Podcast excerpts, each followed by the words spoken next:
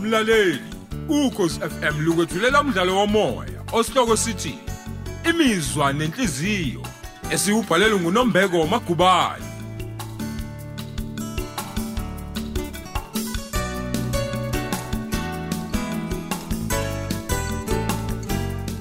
lesi isiqephu seshumi nesithupha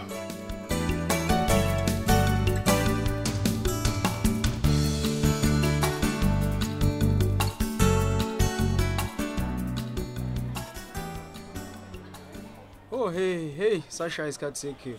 Hey umuntu usefile indlala phela. Hayibo. ayisuka avula ihaba sikhumbuza hawu akakapheli namahora amabili nje ubuyile emcimbini kamamsongo kodwa usukhala ngendlala hhayi kahle Eh, Ngeke kuyibize ngokudla leyo nto ebilaphana. Akuyona udla umcimbi lwento. oyibo kanti bekuphekweni umcimbi onjani ongenazo iy'bili boco Hayi mantu le eh, angiqonde nje ukugxeka kudla. Abekho nawo ama sandwich phela lenyama yenkukhu kanye neziphuzo. Kodwa phela lezi zibili boca umuntu ayijwayele la esikoleni. Hayi ubengabona nangokhala. oh hhayi cha sengiyezwa-ke manje yazi mina eyi ngiyasiqonda isizathu esenza ukuthi abasebenzi basemtholampilo nasey'bhedlela bathenga amaplathi uma benza imicimbi Oya. ye abanaso isikhathi sokupheka kwazise phela iy'guli zidinga ukunakekelwa ngaso sonke isikhathi Hey yako la Eh, kunjalo. Umsebenzi wabahlengikazi unengcindezi kanti futhi ke basebenza namahora amade ngosuku. Eyi, yingakho nje mina ngangingakufisi nje ukuba umhlengikazi ngisho ngisayingane uyazi sikhumbuza uma wayehambe ekuseni ngovivi aze abuye selishonile ilanga siyothi singazelele lutho simbone useyongena ebusuku yeyi amaqaka lakhe ayehlale evuvukele nje ngenxa yokungakutholi ukuphumula Hey hayi kona ngempela phela umsebenzi womnyango wezempilo unzima. Ah futhi wena ke we wongeke ulunge ngempela ke ngoba nje hey uyakuthanda ukulala ubukhonzile ubuthongo. Wayolima lokudula ikhumba lapha iguli bulawe inhlungu. Ijazi laliyogcola umoya ekseni la kwena. heyi ungayiphathi noyiphathi indaba yokuxosha emsebenzini eyi cishe yangehlela leya nto ngisho namanje nje uyazi uvalo losangithi heqe uma ngicabanga indlela nje abafundi abangijikele ngayo Hey Mantuli abafundi bayingozi. Yazi uthisha bamkhipha ngesango ngabe indaba zalutho. eyi eyi Uyakhumbula ukuthi bamenzana uthisha umnomiya? O- usho lo engezwa kuthiwa wayefaka i- i- iniphu kagologe ephaketheni lebhantshi ngafike esashiya phela mina yena lesikole. ney'nqotho zakhe-ke wayemane nje asithele ngale kwekhabethe hawu qeda shaya into yakathi mmoto Hhayi wena. Hhayi bo.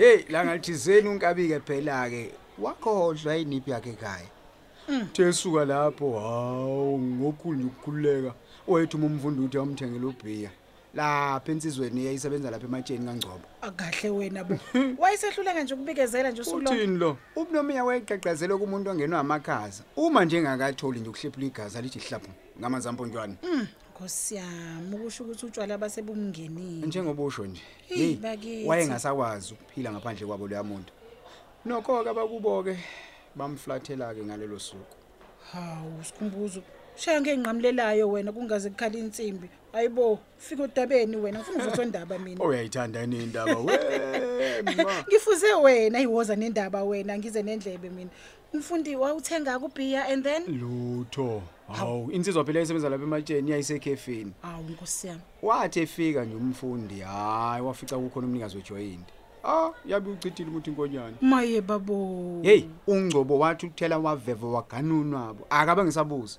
Ha. walayisha umfundi emotweni nje qede wayishaya yazulu ibheke esikoleni hayi bo uyazi bengithi okuvelele mina kunzima kanti ngiyazikhohlisa maye seza nendaba qhubeka dlamini ngilalele hawu hayi-ke thisha-ke wanele wabona ukuthi hhayi itshe ligaka ngomunye umhlathi hhayi wacela empunzini ngiyakutshela wayeselibhekisa kuphi? wagcwala amathafa Hhayi phela wena. esaba ukubhekana nongcobo benombovu hayi wena kwadlula iy'nsukwana nje ezimbalwa engalibhade esikoleni uzozwani wena Ya. emva kwesonto hhayi yaqunga isibindi kuzimalanga kamnomeya hawu yabe yongena eklasini hayi wena sengijahe ukuzwa isiphetho phuthuma heyi esikhundleni sokuyehhovisi kambovu gula ukuthi weklasini hayi kwaba nje ukumbona abafundi hhayi ngiyakutshela wena Ya. amadeski abheka phansi phezulu hayi wena babodwa babemjijela ngey'ncwadi abanye bambiza ngey'nhlamba bamnikeza amagama athile nje heyi awusazi iphithiphithi esasuka la wena oh nkosi yami kodwa wenza njani-ke bakithi umphathi cha phela umbovu waduniswa umsindo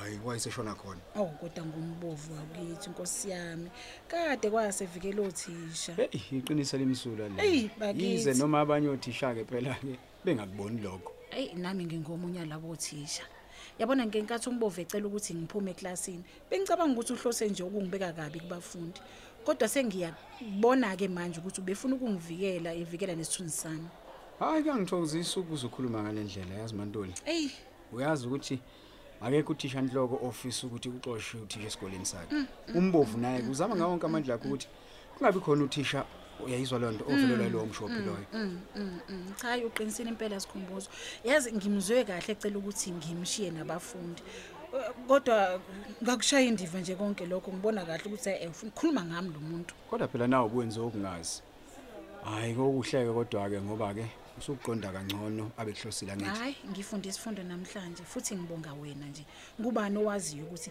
abafundi bebephezu kwaliphi nje itulo kwele kodwa-ke abafundi abanayo inkinga inqobo nje uma uzobahlonipha hhayi ngikubonile impela lokho nokho ngisasho namanje dlamini ongenzele kona namhlanje angisoze ngakulibala ngiyoze ngiye kwamhlaba hhayi kanti mantolo ungakhathazeki ngenze nje nami obekungifanele ngikwenzela uzakwethu yabona Ah, ngibonga ngipheze sikhumbuzo yazi bengingazi ukuthi usangithanda hhayi kahle-ke mantolo ingenaphi-ke manje indaba kamathandane ngixoxweni yethu nxa usuka usungazi ungihebeze ngalolu hlobo awu bengimane ngiyintelela nje Eh, awusho wagcina wenze- wenza njani kuthisha wenebhuku Ah, abafundi bayashaya phansi ngonyaka balibeka ngembaba ukuthi nje abafuni ukufundiswa utisho ohlulwa amanzi ambonjwana well ngaleyo ndlela-ke umnomiya wagcina-ke seshintshelo kwesinye isikole ngisanda kuzwa kodwa ukuthi usedlulile emhlabeni udlule enyakenye Mm, nkosi yami ukwazi kwabuhlungu ukuzwa lokho Mm, nomiya wabantu bakithi hawu heyi sesiphelile njalo isikhathi sekhefu eyi umuntu akashona eklasini abafundi bomele ulwazi heyi ungasashoko mntakamphemba mina ngizongena ngepiriyodi elandelayo-ke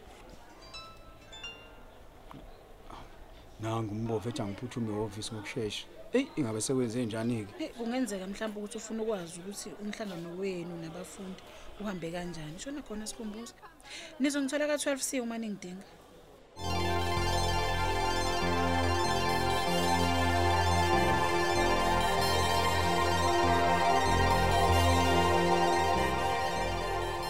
Nomzana Dlamini, ngena mfowethu uhlale phansi. Angizukuchithela isikhathi mfowethu ngoba ngiyazi ukuthi kumele wenze umsebenzi wakho. Ayi, ngiyabonga mphathi kona kunjalo impela kodwa-ke phela ngiyawuhlonipha umyalelo ophuma ehhovisi elikhulu Haha mfowethu, eh kuyangithokozisa lokho kakhulu. Cha, ngithi angidlulisi ukubonga ngendlela osingathe ngayo udaba lokwemistuli nabafundi mfowethu. hawu umphathi besezwile Ngizwile. bengithi ngizoza ngizoxolisa kumphathi ukuthi hewu ngikhulume nabafundi ngaphambi kokuthi ngizombikela Hawu, kanti alukho nolincike olonile jama. Empeleni nje kungithokuse kakhulu ukubona ukukhuluma nabafundi noma isitulo. Ekhona njalo phakathi kwabo. Ungasalusa ungilandisa ke mfowethu ukuthi ingxoxweni ihambe kanjani.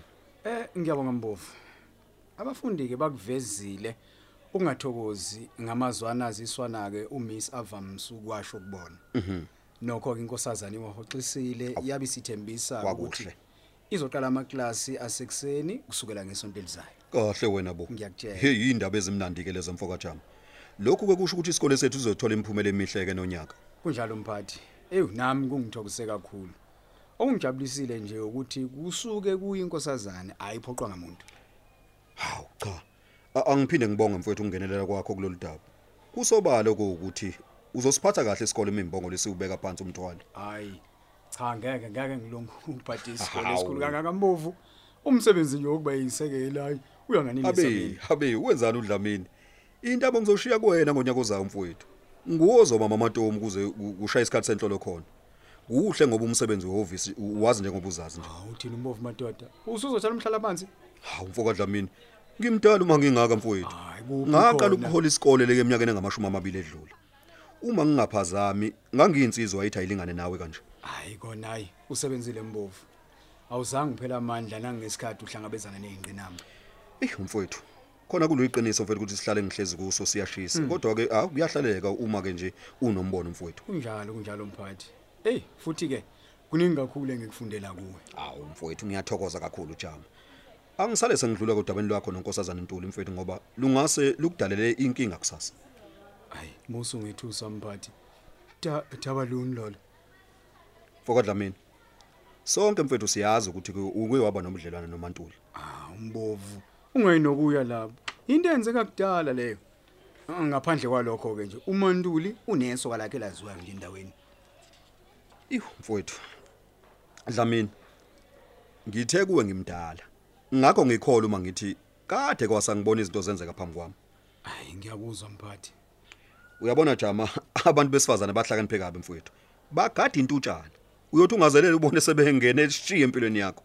hayi kwengathi seliyashuba ke lelo daba quba mbovu ngilalele Hayi ngiyazi mfethu ukuthi awuzubona manje lokho engizokusho kuwena. Kodwa uhlale wazi ukuthi abantu bakubheke ngamehla bovu njengoba usizohlala wedwa nje. hayi ngiyakuzwa mphathi futhi ke ngiyabonga ukungivula amehlo Hayi khululeka Dlamini. Njengamadoda mfowethu kumele sizikhulume izinto okungenzeka zisikhiphe endleleni. yebo Uqaphele ngisho abafundi imbala laba. Bayingozi kabi. A- Angithi uyayikhumbula in- i- i- i- le intombazane yakadlamini ukuthi yamxoshisa kanjani uthisha umfeka? eyi kodwa ngayilibala kanjani insambatheke yenziwa Hey, mfowethu. lo phela ozalo baba omncane Oh, ayi sengilibele mfowethu ukuthi ngeyakini lengane. Kuhle ngoba kwenze kukhona njalo. eyi ngangikhona mphathi okubuhlungu nje ukuthi uthisha wagcine ey'nikele ey'dakamizweni ngaso leso simo Oh, ibo, usho umfeka. njalo mphathi Utozi yena wagcina enze njani? Hey wasizwe ukuthi phela unina wayethanda imfundo. Wanele nje wathola umntwana wamfunela umzanyana. Angikaleyo ndlela ke uTozi wakwazi uqhubeka nesikole. Ah, ukuhleke lokho mfowethu. Asethemba ukuthi wathola isifundo. A- Akusibo bonke phela abantwana abathola is- ithuba lesibili emva kokuphoxa abazali. Khona kunjalo mphathi. Umfeka ngizwe kuthiwa ke usebenza ejele lasekwezivile eThekwini. Sengathi naye ke wagcina enqobile impilo edakamizwa. Hey kodwa ke emva komzukuzuku mabesho. Ewu, ewu mfowethu, i- inzima impilo mfoka Dlamini. Kodwa ke njalo ngesinye isikhathi sifaka thina inkinga. Hey kunjalo kona.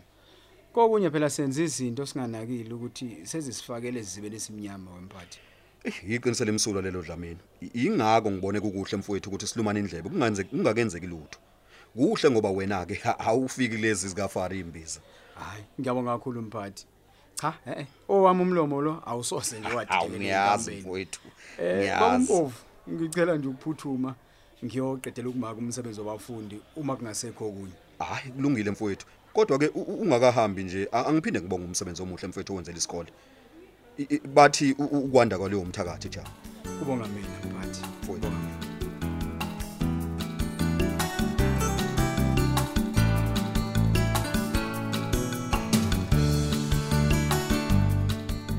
Sisibeka lapho isiqephu sethu imizwa nenhliziyo esethulelwa ukhozi FM